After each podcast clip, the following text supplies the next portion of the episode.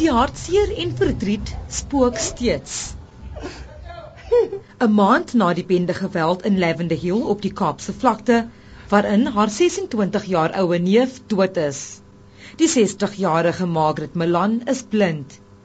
Sy sê sy is skepties oor die onlangse verskonings deur bendeleiers en glo glad nie dat dit enige verskil aan inwoners hier sal maak nie. Dit is selfs te gevaarlik om kerk toe te gaan. Ons voel nie veilig so nie. Nie as ek nie. Wat daar in die Hillview Overcome Heights moet gaan na kerk toe nie. Because niemand kan my nie meer want almal is bang om hier vanaand af uit te loop want hy kan van die plek as ons almal hulle ons word getel want ons bly die kan van die land. Ons is soos enemies word ons gevat as ons daai kan van die plek loop. Ons is nie sy vir maar by my broer se plek te gaan in die village nie. Daar is 'n lang geskiedenis van straatbendes in Kaapstad en strek so ver terug as die Tweede Wêreldoorlog. Die grootskaalse gedwonge verskuiwing van brein mense uit dele van Kaapstad na townships op die Kaapse vlakte het in die 60er jare onder apartheid plaasgevind. Die stelsel het maatskaplike beheer vernietig en 'n omgewing van toenemende misdaadaktiwiteit geskep. Daarby het die hoë werkloosheidssyfer ook geleenthede vir jong mense drasties verminder.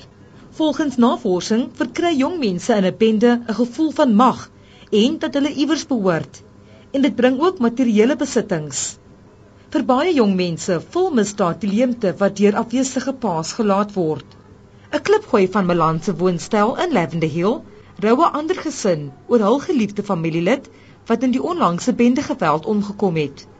Die man wat anoniem wil bly, sê asof dit nie genoeg is nie, is sy 12 jaar oue seun ook in die arm geskiet. Hy sê hy is nou self bang om winkel toe te stap omdat daar enige tyd geskiet kan word. Dit maar wat jy wat miskien ook wat wat smokke smokke rein uh jy moet beter jy aanneem miskien wat smokke of skitter mekaar se dood as jy ons klaar mee se dood.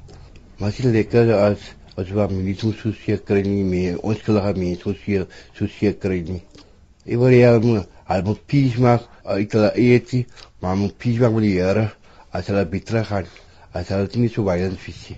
Na raming is daar 10000de bendelede in Kaapstad met moord en verkrachtings die vereiste rituele om toelating tot die bende te verkry.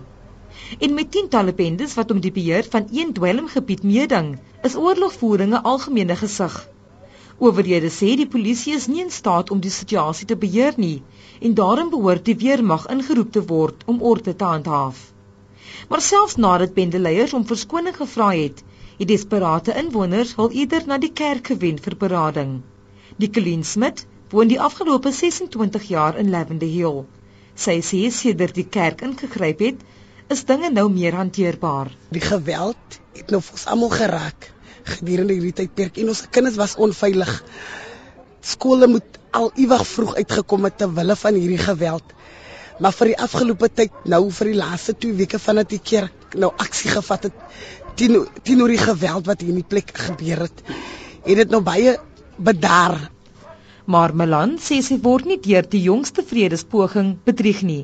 Ja, het hulle bymekaar gekom om vrede te maak is ons nog nie gerus nie want daar was niks ammunisie guns en goedes ingebring nie en neergegooi daar voor die mense nie. Al het die mense almal gehuil wat in die tent gekom het waar die leaders daar ingestap kom. Nou loop ons daar agter en dan wat gaan gebeur?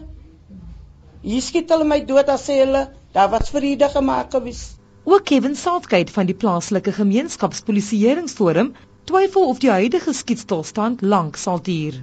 Of dit die antwoord is, is ek heeltemal seker nie, want uh, ons het dieselfde proses gevolg in uh, Desember maand en die bendes het ook aangedui dat 'n uh, vredesproses uh, is en dat hulle dit sal respekteer en ons kan sien na die Kersvakansie toe het hulle maar net weer begin met skietery en en so voort. Inwoners meen hulle sal eers rustig kan slaap wanneer die bendes van hul wapens ontslaag geraak het. Vanessa Puna in Kaapstad.